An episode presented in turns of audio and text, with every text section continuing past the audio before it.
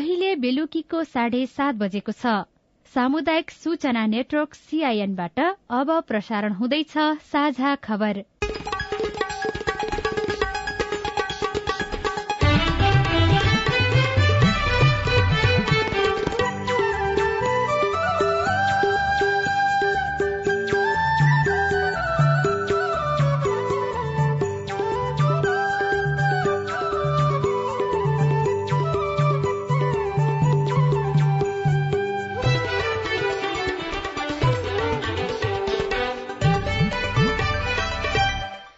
सीआईएनको साझा खबरबाट सोभिता रिसालको नमस्कार। साझा खबर देशभरिका सामुदायिक रेडियो सीआईएन खबर डट कम सीआईएनको फेसबुक पेज र मोबाइल एप सीआईएनबाट पनि सुन्न सकिन्छ।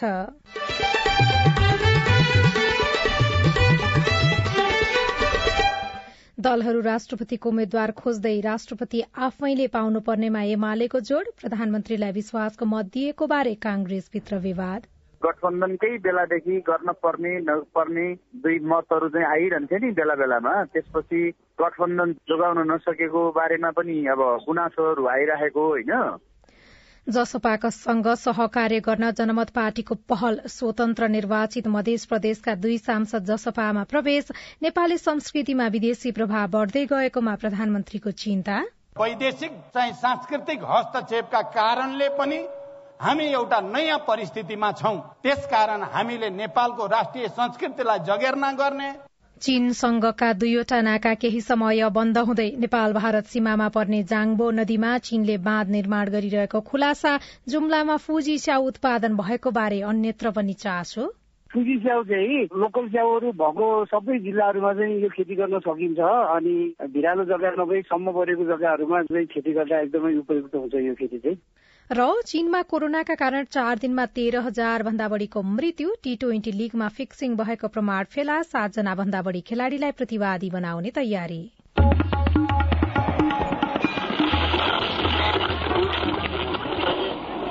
रेडियो। हजारौं रेडियो कर्मी र करोड़ौं नेपालीको माझमा यो हो सामुदायिक सूचना नेटवर्क सीआईएन डाक्टर सन्दुक रुइतलाई दस लाख डलरको ईसा अवार्ड प्रदान गरिने खबर नेपाल र नेपालीका लागि गौरवको विषय हो। आँखामा हुने मोतियाबिन्दुको उपचारलाई सहज र सस्तो बनाउन डाक्टर रोहितको योगदान अतुलनीय छ। सरकारले उहाँको योगदानको सम्मान गर्दै मोतियाबिन्दु लगायत आँखाको उपचारमा आम नागरिकको सहज पहुँच पुर्याउन आवश्यक आर्थिक र नीतिगत सहयोग गर्नुपर्छ। अब खबर राजन रुचालबाट। राजनैतिक दलहरू राष्ट्रपतिको उम्मेद्वार छनौटको बारेमा छलफलमा जुट्न थालेका छन्। सत्ता गठबन्धनमा अब कसलाई राष्ट्रपति बनाउने भन्नेमा अनौपचारिक छलफल चलिरहेको छ। गठबन्धनभित्र नेकपा एमाले राष्ट्रपति पाउनुपर्ने दावी गर्दै आएको छ।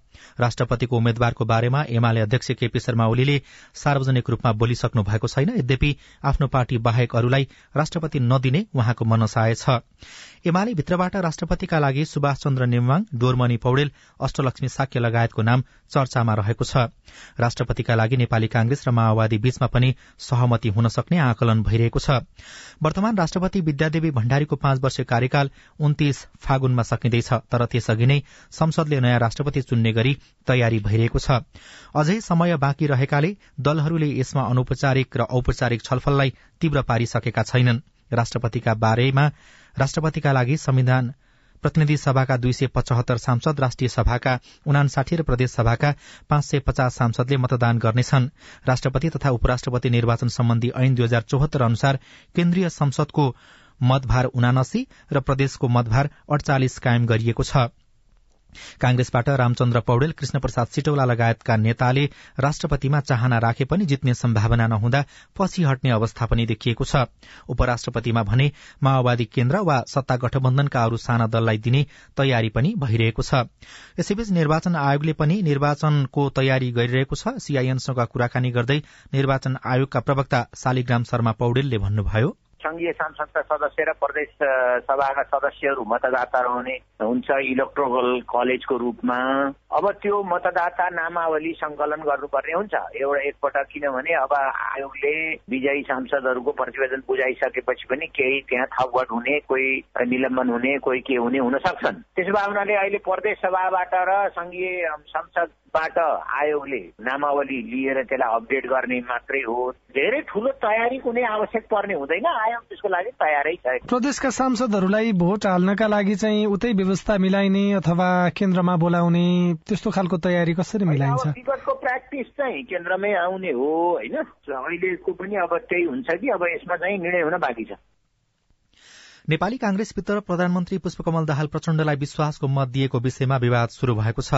आज संस्थापन इतर पक्षको भेलामा प्रधानमन्त्रीलाई विश्वासको मत दिनु गलत भएको बारेमा छलफल चलेको थियो। सांसदहरूले प्रधानमन्त्रीलाई दिएको विश्वासको मत तत्कालै फिर्ता लिनुपर्ने माग गरेका छन्। नेता शेखर कोइराला समूहको आज बिहान बसेको बैठकमा सांसदहरूले नेतृत्वले त्यसबारेमा गलत निर्णय गरेको भन्दै सरकारलाई दिएको विश्वासको मत तत्काल फिर्ता लिन माग गरेको बैठकपछि नेता बद्री पाण्डेले सीआईए लाई जानकारी दिनुभयो। गठबन्धनकै बेलादेखि गर्न पर्ने नपर्ने दुई मतहरू चाहिँ आइरहन्थ्यो नि बेला बेलामा। त्यसपछि गठबन्धन जोगाउनु पर्नेमा जोगाउन नसकेको बारेमा पनि अब गुनासोहरू आइरहेको होइन। त्यही सन्दर्भमा विश्वासको मत दिने कुरा चाहिँ कुन आधार कुन कारणले हामीले दियौँ भन्ने ढङ्गका सामान्य समीक्षाका विषयहरू आएका हुन् त्यहाँ सामान्य समीक्षा चलिरहेछ र त्यो चाहिँ कन्टिन्यू पनि भयो हुनाले भातृ संस्था गठनका बारेमा पनि हाम्रो के धारणा छ नबसेको हामी धेरै भयो। बसेर चर्चा छलफल गरौँ भन्ने मात्रै कुरा उहाँले सुरु गर्नुभयो हो। प्रदेशमा मुख्यमन्त्री र केही मन्त्रीहरू चयन भइसकेको भए पनि मन्त्री परिषदले पूर्णता पाउन भने सकेको छैन। मुख्यमन्त्रीहरूले मन्त्रालय भागवण्डामा केन्द्रकै सहमति पर्खेर बस्दा मन्त्री परिषदले पूर्णता पाउन ढिलाइ भइरहेको छ। आफ्नो प्रदेशको मन्त्रीको भागवण्डा मिलाइदिन आग्रह गर्दै मुख्यमन्त्रीले आफ्ना पार्टीका केन्द्रीय नेतालाई दबाव दिइरहेका छन्। प्रदेशमा सत्ता साझेदार दलहरूमा मन्त्रीका आकांक्षीहरू धेरै र मन्त्रालय सीमित भएकाले प्रदेश सरकारहरूले समयमै पूर्णता पाउन नसकेका हुन्। मधेस बागमती लुम्बिनी र सुदूरपश्चिम प्रदेशका मुख्यमन्त्रीहरू मन्त्री परिषदलाई पूर्णता दिन सहयोग खोज्दै काठमाडौँ आइपुगेका छनृ। प्रधानमन्त्री पुष्पकमल दाहाल प्रचण्डले पश्चिमी संस्कृतिले राष्ट्रिय संस्कृतिलाई विस्थापन गर्न लागेको भन्दै चिन्ता व्यक्त गर्नुभएको छ। सभ्यता र संस्कृतिमा नेपाल विश्वमै वैभवशाली हुँदा पनि पछिल्लो समय पश्चिमी संस्कृतिले बढ़ावा पाउन थालेको भन्दै उहाँले चिन्ता व्यक्त गर्नुभयो। अठाइस सय उनासाठी सोनाम लोछारको अवसरमा काठमाडौँको टुण्डीखेलमा आयोजना गरिएको कार्यक्रमलाई सम्बोधन गर्दै प्रधानमन्त्री प्रचण्डले लोछार पर्व तामाङ जातिको मात्रै नभएर राष्ट्रिय र अन्तर्राष्ट्रिय पर्व भएको बताउनुभयो एकातिर सामन्ती एकात्मकता र उसको हस्तक्षेपका विरुद्धको लडाई अझै जारी छ भने अर्कोतिर वैदेशिक चाहिँ सांस्कृतिक हस्तक्षेपका कारणले पनि हामी एउटा नयाँ परिस्थितिमा छौं। त्यसकारण हामीले नेपालको राष्ट्रिय संस्कृतिलाई जगेर्ना गर्ने हाम्रा ऐतिहासिक राम्रा संस्कारहरूलाई राम्रा परम्पराहरूलाई जनवादी परम्पराहरूलाई विकसित गर्ने दायित्व हामी सबैको काँधमा छ। जनमत पार्टीले मध्य प्रदेशमा जनता समाजवादी पार्टी जसपा नेपालसँग सहकार्यको लागि पहल थालेको छ। जनमत पार्टीका उपाध्यक्ष वसन्त कुशवाहा र महासचिव चन्दन सिंह लगायतका नेताहरूले जसपाका अध्यक्ष उपेन्द्र यादवसँग आज छलफल गरेका हुन्। बालकुमारी स्थित पार्टी कार्यालयमा भएको भेटमा मधेस सरकार गठनमा मन्त्रालयको बाँडफाँट र मधेसमा छुट्टै गठबन्धन बनाउने विषयमा छलफल भएको बताइएको छ। मध्य प्रदेश सरकारको नेतृत्व आलो पालो गर्ने बारेमा जसपा र जनमतबीच सहमति भएको छ जसपाले शुरूको चरणमा मुख्यमन्त्री बनाएको छ। मन्त्री परिषद विस्तार हुन बाँकी छ। मन्त्रालय बाँडफाँडको विषयमा पनि छलफल भइरहेको बताइएको छ। यसैबीच स्वतन्त्र रूपमा निर्वाचित भएका मधेसका दुई सांसद जसपामा प्रवेश गरेका छन्। महोत्तरी क्षेत्र नम्बर दुई खबाट निर्वाचित प्रदेशसभा सदस्य सुरिता शाह र पर्साको क्षेत्र नम्बर तीन कबाट निर्वाचित प्रमोद कुमार जयसवाल जसपामा प्रवेश गरेका हुन्। यससँगै मध्य प्रदेश सभामा जसपाको सांसद संख्या अठार पुगेको छ। अब समाचार प्रभाव जुम्लामा फुजी जातको स्याउ खेती फस्टाउँदै गएको रिपोर्ट सीआईएनमा प्रसारण भएपछि अरू हिमाली जिल्लाका किसानले पनि चासो देखाएका छन्। आज हामी जुम्लामा फुजी स्याउ खेती गर्दै आएका एकजना किसानसँग सोलुखुम्बुका अर्का किसानले स्याउ खेतीका बारेमा गरेको सोधीखोजी प्रस्तुत गर्दैछौं। म सर्वसाई मेरो घर यहाँ चन्दाद नगरपालिका वडा नम्बर चारमा पर्छ र मेरो बगैँचा हामीले चाहिँ आँखे कृषि पर्यटन तथा अनुसन्धान उद्योग भनेर रजिस्टरमा छ। अनि हामीले यो चन्द्रनाथ भैरवनाथ गुठीको जग्गा भाडामा लगेर चन्द्रनाथ वडा नम्बर पाँचमा चाहिँ सञ्चालन गरिराखेको छ विगत पाँच वर्षदेखि। पुँजी स्याउ चाहिँ लोकल स्याउहरू भएको सबै जिल्लाहरूमा चाहिँ यो खेती गर्न सकिन्छ। अनि भिरालो जग्गा नभई सम्म परेको जग्गाहरूमा विशेष गरिकन उत्तर दक्षिण फेस भएको जग्गाहरूमा चाहिँ खेती गर्दा एकदमै उपयुक्त हुन्छ यो खेती चाहिँ। मेरो सोनम शेर्पा ठेगाना सोल कुकुर केरुङ मसँग बिरुवा कसरी ल्याउने कसरी रोप्ने भनेर कहाँबाट ल्याउने बिरुवा भनेर नेपालमा धेरैवटा सप्लायर्सहरू हुनुहुन्छ हामीले चाहिँ पहिला मनाङ एग्रो भन्ने छ काठमाडौँ मजलिसको सम्पर्क कार्डले उहाँहरूबाट हामीले लग्या हो त्यसपछि हाम्रो जुम्लामा सुपर जोन अनि स्याउ सुपर जोन छ अनि प्लस चाहिँ कृषि विकास कार्डले यिनीहरूले अनुदानमा पनि बिरुवाहरू उपलब्ध गराउनु भएको छ कि पहिला हामीले सुरु गर्दाखेरि हामी आफैले किनेको हो है तेह्र सय पचास रुपियाँ पर्थ्यो त्यो बेला दस हजार पन्ध्र हजार पाँच हजार लगाएर ठुलो तेलमा जाने हो भने यो फार्म गर्दा घाटा चाहिँ छैन। न्युजमा हालेखेरि तपाईँले कल गरेको मैले त्यो रोप्नुबाट सोच गरेको कति बिरुवा खोजेको होइन? अनि यहाँ अनलाइनतिर त बेच्दा छ फेरि के हो के हो फेरि त्यो मलाई विश्वास लागेन क्या। मनाङमा भएको थाहा पाइसकेपछि जुम्लामा पनि हुन्छ कि हुँदैन भनेर हामीले त्यो बेला तिन हजार बिरुवा ल्याएर सुरु गरेको थियौँ हामीले। देन आफ्टर चाहिँ यहाँ जस्तो यसको चाहिँ प्रोडक्सन हाम्रो देखेपछि अनि सरकार पनि एक लेभलको यो कृषिसँग सम्बन्धित कार्यहरूले पनि यसलाई चाहिँ यसलाई अलिक बढुवा दिनुपर्छ भन्ने हिसाबले बिरुवा त महँगो छ हेर्नु।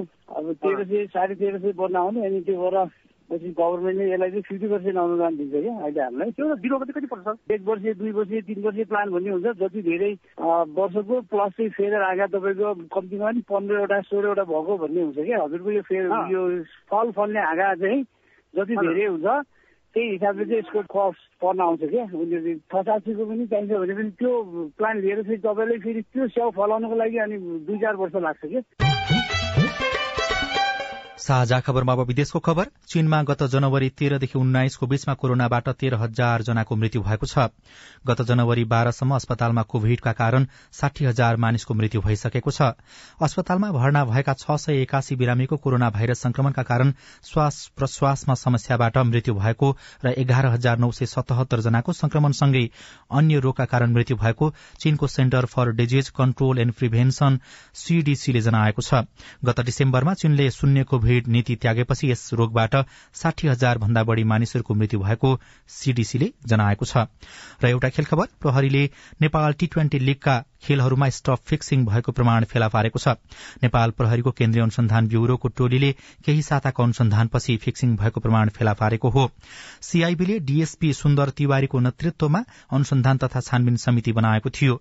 समितिले अनुसन्धान फाइल बुझाउने तयारी गरेको ब्यूरोका प्रमुख एआईजी उत्तमराज सुवेदीले बताउनुभयो। उहाँका अनुसार बेटिङ र फिक्सिङमा संलग्नहरूले एक खेलाड़ीलाई एक लाख रूपियाँदेखि पाँच लाख रूपियाँसम्म दिएको खुलेको छ। नेपाली र विदेशी गरेर सातजना बढ़ी खेलाड़ीलाई प्रतिवादी बनाउने तयारी प्रहरीले गरिरहेको छ।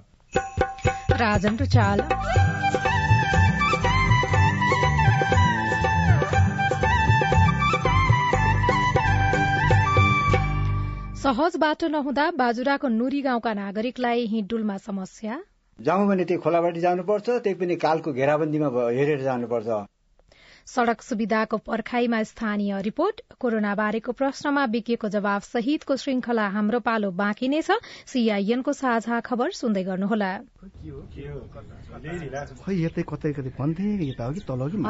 सर नमस्ते। हजुर नमस्ते नमस्ते। हजुर के सेवा गरौं? सूचनाको हक भन्ने बारेमा रेडियो टिममा खुब सुनिन्थ्यो। हजुर। आज पालिकामा छिरेको बेलामा सोधिहाले हजुरलाई।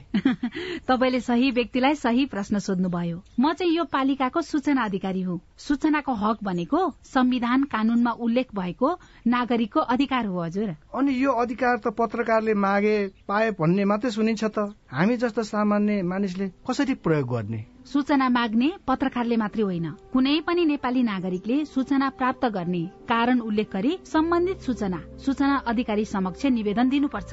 विधि र प्रक्रिया पूरा गरी निवेदन प्राप्त भयो भने सूचना अधिकारीले पन्ध्र दिनभित्रमा उपलब्ध गराउनु पर्ने सूचनाको हक सम्बन्धी ऐनमा भनिएको छ। पन्ध्र दिन पो कुर्नु पर्ने व्यक्तिको जीवनको सुरक्षासँग सम्बन्धित सूचना माग गरिएको हो भने नि हजुर चौबिस घण्टाभित्रै जानकारी दिनुपर्छ। अनि सरकारी वा सार्वजनिक निकायका अधिकारीले सूचना लुकाएमा पच्चिस हजारसम्म जरिवाना हुने व्यवस्था ऐनमा छ। त्यसका लागि चाहिँ राष्ट्रिय सूचना आयोगमा पुनरावेदन गर्नुपर्छ। अनि यो सूचना माग्दा पैसा पनि लाग्छ? लाग्दैन लाग्दैन।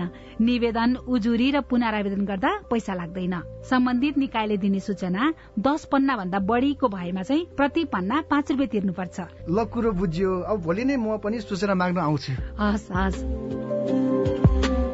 अस्ट्रेलिया सरकार र द एसिया फाउन्डेशनको साझेदारीमा सञ्चालित स्थानीय सरकार सबलीकरण कार्यक्रम र अकोराब नेपाल।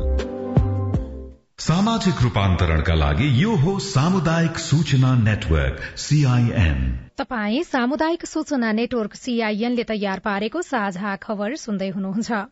पोखरा विमान दुर्घटना हुँदा मृत्यु भएका मध्ये अझै पनि चौध जनाको सब पहिचान हुन बाँकी छ। काठमाण्डु ल्याइएका मध्ये चौध जनाको सब पहिचान हुन बाँकी रहेको त्रिभुवन विश्वविद्यालय शिक्षण अस्पतालको फोरेन्सिक मेडिकल विभागका प्रमुख डाक्टर गोपाल कुमार चौधरीले जानकारी दिनुभयो। उहाँका अनुसार ती सब अत्याधिक जलेको हुनाले फोरेन्सिक विधिबाट सब पहिचान हुन समस्या भएको हो।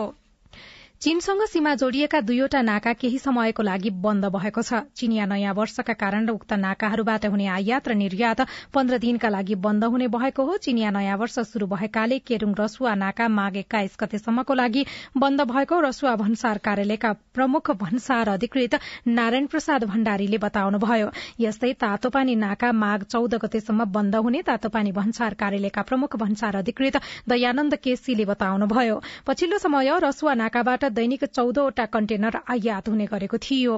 गत महिनादेखि उक्त नाकाबाट स्वदेशी उत्पादनका वस्तुहरू समेत निर्यात हुन थालेको छ। तातोपानी नाकाबाट पनि दैनिक तीनदेखि चारवटा कन्टेनर भित्रिने गरेका छन्। यस्तै चीनले नेपाल र भारतसँगको त्रिदेशीय सीमा नजिकै तिब्बतको माब्जा जाङबो नदीमा बाँध निर्माण गरिरहेको सार्वजनिक भएको छ। बाँध निर्माण स्थल कालापानी क्षेत्रबाट उत्तर त्रिदेशीय सीमा क्षेत्रदेखि करिब सोह्र किलोमिटरको सोह्र किलोमिटरको दूरीमा रहेको छ। तिब्बतको काउन्टीबाट उत्पत्ति भएको माब्जा जाङबो नदी नेपालबाट घागरा हुँदै भारतको गंगा नदीमा मिसिन्छ। भूस्थानिक खुफिया अनुसन्धानकर्ताहरूले ट्वीटरमा शेयर गरेको सो क्षेत्रका सेटेलाइट तस्विरहरूलाई आधार बनाएर खबर अन्तर्राष्ट्रिय संचार माध्यमहरूले लेखेका छनृ। विकट भौगोलिक क्षेत्रमा सड़कको सुविधा पुगेको छैन। सड़क सुविधा नपुगेको कतिपय स्थानमा हिँडुल गर्नका लागि बाटोको समेत सुविधा नहुँदा नागरिक भने कष्ट खेप्न बाध्य छन्। बाजुराको बुढीनन्दा नगरपालिका वडा नम्बर तीनको नुरी लगायत गाउँका नागरिकलाई सहज किसिमले हिँड्ने सुविधा समेत छैन। उनीहरू भीड़को बाटो कष्ट झेल्दै हिँड्न बाध्य छन्। बाजुराको बुढीनन्दा नगरपालिका तीनको नोरी गाउँ रमणीय मात्रै होइन पर्यटकीय क्षेत्रको पनि सम्भावना बोकेको गाउँ हो। नोरी पुग्न कोल्टी विमानस्थलबाट करिब एक दिनको पैदल हिँड्नु पर्छ जहाँ सड़क र यातायातको पहुँच त छैन नै पैदल हिँड्नका लागि समेत सजिलो बाटो छैन स्थानीय मन बहादुर बोहरा। जाउँ भने त्यो खोलाबाटी जानुपर्छ त्यही पनि कालको घेराबन्दीमा हेरेर जानुपर्छ। त्यो खोलाबाटी हिँड्नुपर्छ। गाउँबाट देखिने पहाड़का चुचुरा फेदीमा बाह्रै मास बग्ने नोरी खोला र गाउँ आसपासमा रहेको हराभरा वन जंगलले यहाँ पुग्नेहरूको मन लोभ्याउँछ। प्राकृतिक हिसाबले अति नै सुन्दर भए पनि बाटोकै सुविधाका कारण पर्यटक यहाँसम्म पुग्ने सम्भावना नभएको उहाँ बताउनुहुन्छ। विभिन्न किसिमका चराचुरुङ्गीहरू जो जंगली जनावरहरू पनि तमाम छन्। हजुर बर्खे पानीका तालतलैहरू पनि छन्। खोला नालाहरूमा माथिपट्टि एकदमै ठुला ठुला फाँडहरू त्यहाँभन्दा माथि बाइसी चौबिसहरू राजाका पालामा भएका त्यहाँ पुराना कृतिहरू छन् राजाकोट भन्ने ठाउँमा। वडा नम्बर तीनको नोरी तलीगोठी कालगोठी लगायतका ठाउँमा जान स्थानीयले खोलाको छेउछाउमा जोखिमपूर्ण यात्रा गर्नुपर्ने बाध्यता छ। अप्ठ्यारो बाटो हुँदै बिरामी र सुत्केरीलाई उपचारका लागि कोल्टी पुर्याउनु थप कष्ट हुने गरेको छ। स्थानीय पदम बहादुर बोहरा। अब दुई चार महिलाहरू त्यही खोलाइमा गर्भवती बन्ने त्यस्तो पीडा छ हामीलाई। राति बाह्र बजे पनि रात हिँडेर आउनुपर्छ हामीले बिरामीहरू ल्याउँदा त तपाईँलाई निकै जोखिम छ नि माथि ढुङ्गा खसिरहने तल पानी बगिरहने। त्यो त भोगी आएको हेर्नुहोस् के गर्ने। हिउँदको समयमा जसो तसो हिडुल भइरहे पनि बर्खा मौसममा भने निकै शास्ति हुने गरेको छ। जोखिमपूर्ण बाटोमा हिँड्दा लडेर गत वर्ष पन्ध्र जना घाइते भएका थिए भने चालु आर्थिक वर्षमा मात्रै पाँच जना घाइते भएका छन्। स्थानीय भीम बहादुर बुढा। हिउँदे सिजनमा अलिअलि बनाएर ठिक हुन्छ। बर्खा सिजनमा चाहिँ अब खोलाएर बगाएर लग्छ। पाँच छ जना जति लडेर चाहिँ घाइते भएको हुन्। बुढीनन्दा नगरपालिकाले यो वर्ष भवानी माडु चालेपानी टाका कालगोठी लगायत क्षेत्रको बाटो निर्माण गर्न तीस लाख बजेट छुट्याएको छ। वडा नम्बर तीनका वडा अध्यक्ष जङ्गवीर रोकाया। अब यसको विषयमा हामीले अब केही सोचेका छौँ। यतातिर चालेपानीबाट पनि अहिले लगभग तीस लाख हालेर यता घोरेटो बाटो बनाउने भन्ने कुराहरू छ। अनि सड़क सञ्जालको विषयमा पनि हामीले अब डिपिआर गराएर यतिखेर बजेट पनि अस्सी लाख आएको छ। बड्डाला तलीगोठी नुरी पुर्याउने भनेर यो कुरा पनि अगाडि बढाएका छौँ हामीले। प्राकृतिक सुन्दरताले भरिपूर्ण बाजुराका गाउँ बस्तीमा पुग्न आवत यातायात गर्ने सड़क र सहज बाटो नहुँदा स्थानीयले ज्यानको बाजी राखेर साँगुरो बाटोमा ओहोर दोहोर गर्नु परेको छ। अरू आधारभूत आवश्यकताको अभाव त छँदैछ। बाजुरामा पैदल हिँड्न पनि नागरिकले दुःख भोगिरहेका छन्। Jiwan Kaila CIN radio Budhinanda Kolti Bajura. साझा खबरमा अब हेलो सीआईएन सजना तिमल सिन्हाबाट।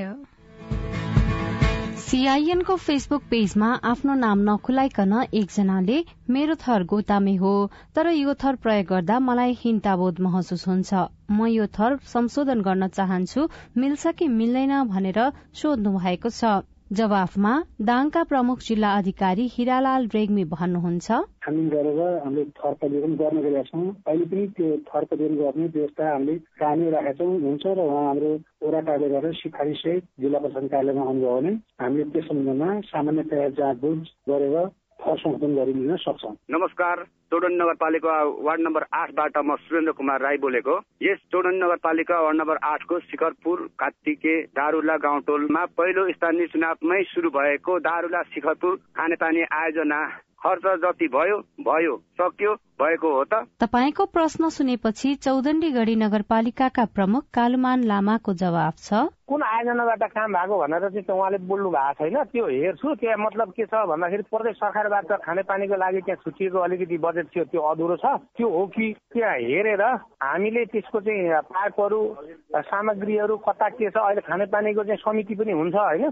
उपभोक्ता समिति उपभोक्ता समितिले त्यो निरीक्षण गरौ गरेन त्यसको चाहिँ म आफैले बुझेर चाहिँ तपाईँलाई जवाफ दिनेछु। तपाईँ जुनसुकै बेला हाम्रो टेलिफोन नम्बर शून्य एक बान्न साठी छ चार छमा फोन गरेर आफ्नो प्रश्न विचार जिज्ञासा गुनासा अनि समस्या रेकर्ड गर्न सक्नुहुनेछ।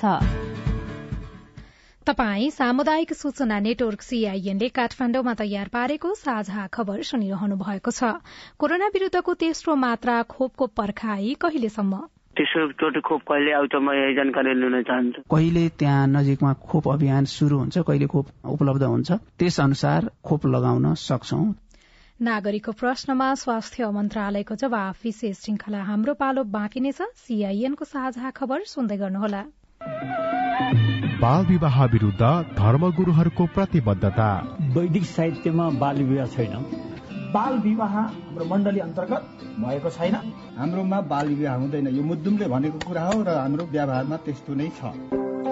राधामिस गीता बाइबल कुरान वेद लगायतका सबै धर्मका ग्रन्थहरूले बाल विवाह गर्नुहुन्न भनेको भनेर धर्मगुरूले रेडियोबाट भनेको सधैँ सुन्ने गरिन्छ। तर किन बाल विवाह अन्त्य नभएको होला? हाम्रो नगरलाई बाल विवाह मुक्त गराउन अब के गर्ने होला? त्यो त हो नगर प्रमुखज्यू। भनेर मात्रै पुग्दैन।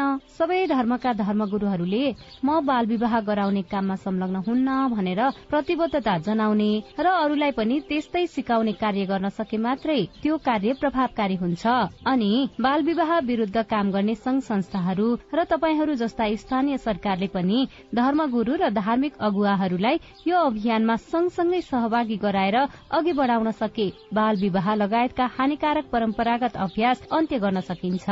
हुन्छ राधामिस म त्यसै गर्छु। ओल्ड भिजन इन्टरनेसनल नेपाल र अकुराब।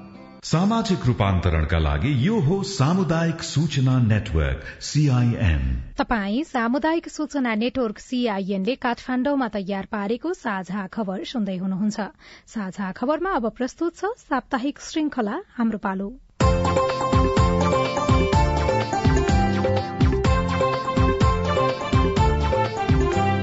नमस्कार म सुशीला। कार्यक्रम हाम्रो पालोमा हामी कोविड लगायत अन्य महाव्याधि वा विपदका समयमा बाल सुरक्षा बाल अधिकार शिक्षा स्वास्थ्य लगायत अन्य सरोकारका विषयमा बाल बालिका किशोर किशोरी युवा र सीमान्तकृत समुदायका सवाल लिँदै त्यसको उत्तर खोज्ने प्रयत्न गर्नेछौ। आज हामी हाम्रो पालोको चौरासीौं खण्डमा छौं। पछिल्लो समय छिमेकी देश भारत र चीनमा कोरोना संक्रमण दर बढ़िरहेको छ। यसले फेरि नेपालमा कोरोना महामारीको चौथो लहर शुरू हुने हो कि भन्ने त्रास पनि देखिन्छ। आजको हाम्रो पालोमा हामी यही कोरोना र कोरोना खोप बारेका सवालको जवाब खोज्दैछौ जसको जवाब दिँदै हुनुहुन्छ स्वास्थ्य तथा जनसंख्या मन्त्रालयका सहप्रवक्ता डाक्टर समीर कुमार अधिकारी। मेरो प्रश्न चाहिँ के हो भने यो पछिल्लो समयमा चाहिँ यो कोरोना भाइरस फेरि पनि बढ्दै गएको छ भन्ने सुनेको छु। कि यो सहयोग त्यो फेरि पनि अब महामारीकै रूप लिन सक्छ? र कोरोना भाइरस के जाडो महिनामा चाहिँ बढी सक्रिय हुने र गर्मी महिना चाहिँ घट्ने हुन्छ यस्तो किन हुन्छ? हामीले अहिलेसम्म मौसमसँग भूगोलसँग तापक्रमसँग आर्द्रतासँग यसको खोप के यो कोविड उन्नाइसको संक्रमणको कुनै पनि सम्बन्ध रहेको पुष्टि भएको तथ्यहरू त्यसरी आइसकेको पाइसकेको अवस्था छैन। यो भाइरसबाट हुने संक्रमण हो यो जुनसुकै समयमा पनि उस्तै रूपमा संक्रमित हुन सक्ने उस्तै रूपमा अगाडि बढ्ने खालको हुन्छ। स्वाभाविक रूपमा जाडो मौसममा हामी चाहिँ सानो कोठामा बसेर नजिकमा धेरै मानिसहरू बस्न सक्ने अवस्थाहरू भयो भने चाहिँ एक व्यक्तिबाट अर्को व्यक्तिमा संक्रमण सहज रूपमा सर्ने हुन्छ। गर्मीमा अथवा अलिकति त्यस्तो ठाउँ भयो भने हामी अलिक टाढा टाढा बसौँला अथवा गर्मी भयो भने सानो कोठामा हामी धेरैजना बस्न सक्दैनौँ अलिक खुला ठाउँमा जाने खालको हुन्छ। जाडोमा सकेसम्म झ्याल ढोकाहरू बन्द गरेर बस्ने खालको हाम्रो प्रवृत्तिहरू हुन सक्छ जसले गर्दा संक्रमण हुन सक्ने सम्भावना त्यो वातावरणलाई चाहिँ यसले सहजता बनाउँछ भन्ने मात्रै हो। तर मौसमसँगै जाडोयाम अथवा गर्मीयामसँगै यसको प्रत्यक्ष सम्बन्ध चाहिँ हुँदैन। मान्छे मान्छेको दूरी र मान्छेको व्यवहार हाम्रो व्यवहारले चाहिँ संक्रमण फैलिने वातावरण कति बनाउँछ भन्ने कुरामा चाहिँ स्वाभाविक रूपमा तपाईँ हामीले जुन भनिरहेका छौँ जनस्वास्थ्यका मापदण्ड कुराहरू त्यसको उल्लङ्घन हुने चाहिँ यसले वातावरण बनाउन सक्छ? कोरोनाको खोप लगाएको छु। मेरो क्युआर कोड पनि निकालेको छु र खोप र क्युआर कोड दुइटै मेरो बसमा ब्याग चोरी हुँदाखेरि हराइसकेको छ।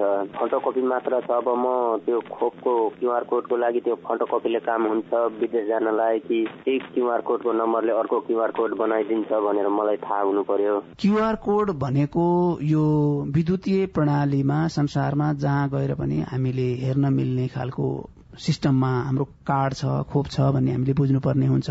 तपाईँ हामीसँग रहेको खोप कार्डको नम्बर तपाईँ हामीले गरेको फोटोकपी मात्रै भयो भने पनि हामीले फेरि त्यही विद्युतीय प्रणालीभित्र प्रवेश गरेर प्रिन्ट गर्न सक्छौँ आफ्नो कार्ड। त्यही तपाईँसँग भएको फोटोकपीले पनि काम गर्ने हुन्छ। त्यही भएर क्युआर कोड समयमै निकालेर त्यसको नम्बर हामीले सही ठाउँमा राख्यौँ हामीले त्यसको स्क्यान गरेर राख्यौँ फोटोकपी राख्यौँ भने एउटा हरायो भने पनि अर्को हामीसँग रहन्छ त्यो हामीले प्रयोग गर्न मिल्छ। त्यसमा फोटोकपी भएर प्रयोग गर्न नमिल्ने मिल्ने त्यो भएर नमिल्ने भन्ने हुँदैन। तपाईँको त्यो क्युआर कोड स्क्यान गर्ने बित्तिकै त्यो सिस्टममा छ कि छैन भने आफै थाहा हुन्छ। म कृष्ण रतहट जिल्ला कोठार बलुवाबाट बोलिरहेको छु।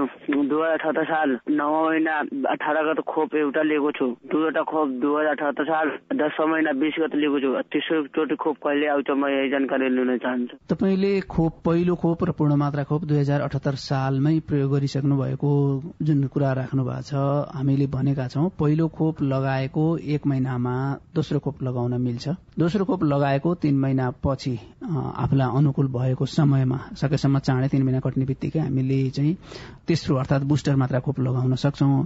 अहिले हामी जहाँ बसिरहेका छौं त्यही बसिरहेको नजिकको स्वास्थ्य संस्थामा सम्पर्क गरेर अथवा आफ्नो नजिकको त्यही स्थानीय तहमा सम्पर्क गरेर कहिले त्यहाँ नजिकमा खोप अभियान शुरू हुन्छ कहिले खोप उपलब्ध हुन्छ त्यस अनुसार खोप लगाउन सक्छौं त्यस अनुसार लगाउनु अनुरोध पनि गर्छु। नमस्कार मेरो नाम युवराज। यो कोरोना सम्बन्धी कुरा के हो भने अब अपाङ्गहरूलाई कस्तो समस्या हुन्छ जोखिम हुन्छ कि होइन त्यसमध्ये अब अपाङ्गलाई त्यति चासो नदिएको अवस्था छ अपाङ्गलाई कस्तो अवस्था हुन्छ जोखिम हुन्छ कि सामान्य हो कोविड उन्नाइसको संक्रमणले कुनै उमेर वर्ग कुनै विशेष त्यस्तो भन्दैन। अब रोग प्रतिरोधात्मक क्षमता कम भएका वर्गहरूमा चाहिँ विशेष रूपमा अलि बढी जटिलता ल्याउन सक्ने चाहिँ अध्ययनहरूले तथ्यहरूले देखाउँछन्। अब हामी अपाङ्गता भएका व्यक्तिहरूको अपाङ्गताको प्रकृति अनुसार पनि फरक पर्न सक्ने हुन्छ। कोही कोहीको रोग प्रतिरोधात्मक क्षमता कम हुने खालको छ भने त्यस्तो व्यक्तिहरूमा संक्रमण भयो भने स्वाभाविक रूपमा अलि बढी जटिलता हुन्छ। हामीले चाहिँ खोप लगाउन सबै उमेर समूह सबै वर्गहरूले जुन हामीले भनेका छौँ त्यो अनुसार चाहिँ खोप लगाउनलाई चाहिँ अनुरोध गर्छु। हामी अपाङ्गता भएका व्यक्तिले पनि समयमै खोप लगायौं। कोविड उन्नाइस विरुद्धको खोप लगायौं र त्यसको पूर्ण मात्रा खोप समयमै गर्यौं बुस्टर मात्रा पनि समयमै गर्यौं भने जटिलता हामीले रोक्न सक्छौं। कोविड उन्नाइस संक्रमण भएर हुने जटिलता रोक्न सकिन्छ। हजुर मेरो नाम सन्तलाल घर धनकुटा मैले विदेशमा पी फाइजर भन्ने खोप लगाएको थिएँ। पहिला अहिले यहाँ डक्टरहरूलाई सोद्धाखेरि म पी फाइजर लगाएको छ भने त्यही लगाउनुपर्छ अर्को लगाउनु मिल्दैन भन्ने कुरा भएको छ। तर त्यो खोप यहाँ उपलब्ध छैन। त्यसको लागि हामीले के गर्न सकिन्छ होला? खोपको सन्दर्भमा अहिले नेपालमा हामीले लगाइरहेको उपलब्ध भइरहेकै खोप फाइजर खोप नै हो।